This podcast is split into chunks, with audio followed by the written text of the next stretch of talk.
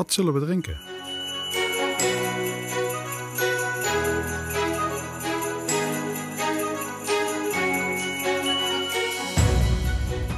Hey allemaal, welkom bij weer een aflevering van Wat zullen we drinken?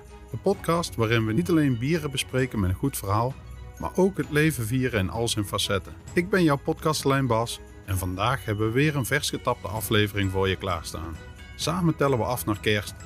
Dus pak het bier van de aflevering uit het vakje, ga lekker zitten en laten we samen het leven een beetje mooier maken.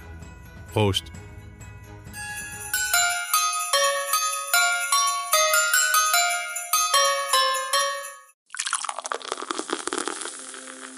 Terwijl de avond is gevallen en de kerstverlichting zachtjes knippert, staat er binnen een glas Lola, klaar om uitgeschonken te worden.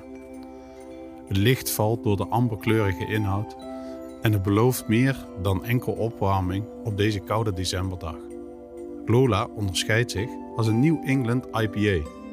Een nieuwe stijl om zijn troebele, fruitige en hoprijke karakter. De zachtheid in de mond komt van het gebruik van haver en tarwe terwijl een uitgebalanceerde mix van Azaka, Mosaic en Simcoe hop een palet van tropisch fruit presenteert en een feest voor de zintuigen. De Nijpa, ofwel de New England India Pale Ale, is een jonge telg in de familie van craftbieren. Maar wat heeft het een entree gemaakt? Dit stijlkind ontstond rond de vroege 21ste eeuw in de Amerikaanse staat Vermont. Je zou het kunnen zien als het onstuimig jongere broertje van de bekende IPA. Maar dan met een zachtere aard en een verlegen troepel uiterlijk. Nijpa's ontstonden uit de behoefte om een minder bittere IPA te creëren, met een uitgesproken fruitige en sappig profiel. Ik denk dat bier soms, net als mensen, uit onverwachte hoeken komt en ons verrast met een nieuwe persoonlijkheid. En Lola met haar zachtheid en explosieve tropische smaken vertegenwoordigt deze vernieuwing prachtig. De brouwers van Zuidkraft hebben met Lola een brouwsel gecreëerd dat uitstekend past bij de kerstgeest. Het is een bier dat met geduld en toewijding gemaakt is. Een reflectie van een tijd waarin we stilstaan bij de kleine dingen die het leven zo mooi maken.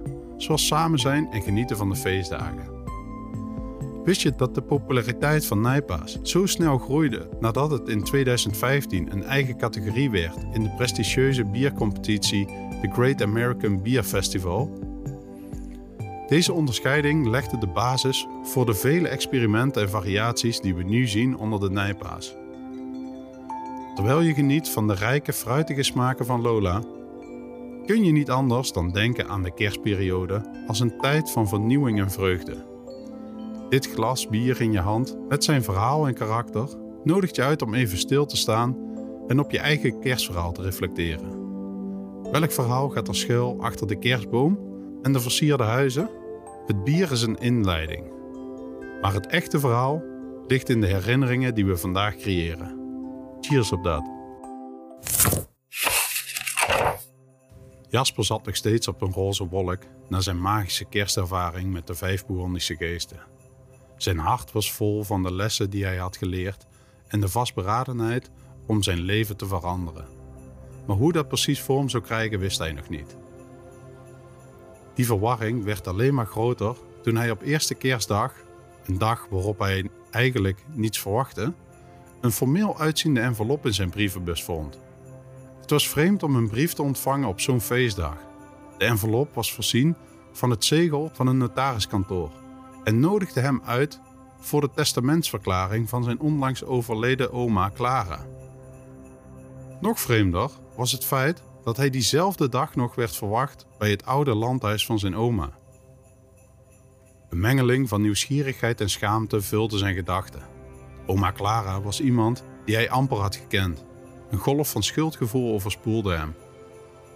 Hij had meer tijd met haar moeten doorbrengen toen ze nog leefde. Waarom was hij uitgenodigd? Was dit een vergissing? Jasper stond voor een keuze. Zou hij gaan? Een vlaag van besluitvaardigheid overviel hem. Hij moest gaan. Dit was precies het soort moment waar de Burgondische geesten over spraken. Een kans om verbinding te maken.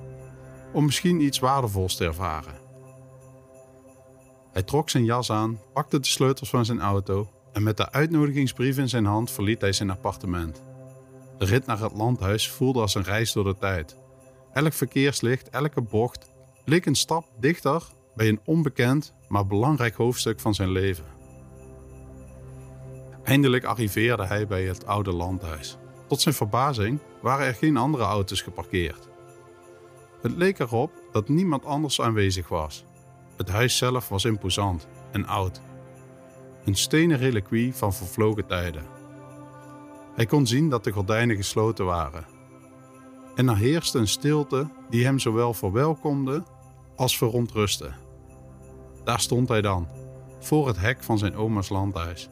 Een mix van nieuwsgierigheid en schaamte vullen zijn ziel. Was dit het moment waarop zijn nieuwe Bourgondische leven echt zou beginnen? Een confrontatie met een verleden dat hij nauwelijks kende? Met een diepe ademhaling bereidde hij zich voor om het hek te openen. Zou hij?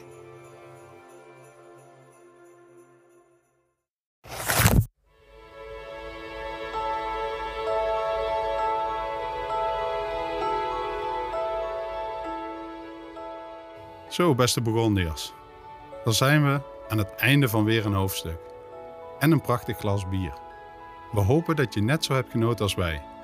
Vergeet niet, het leven is te kort om slecht bier te drinken en saaie verhalen te horen. Morgen wacht een nieuw hoofdstuk en een nieuwe smaak. Maar voor nu, proost op het goede leven. En tot de volgende Wat zullen we drinken aflevering.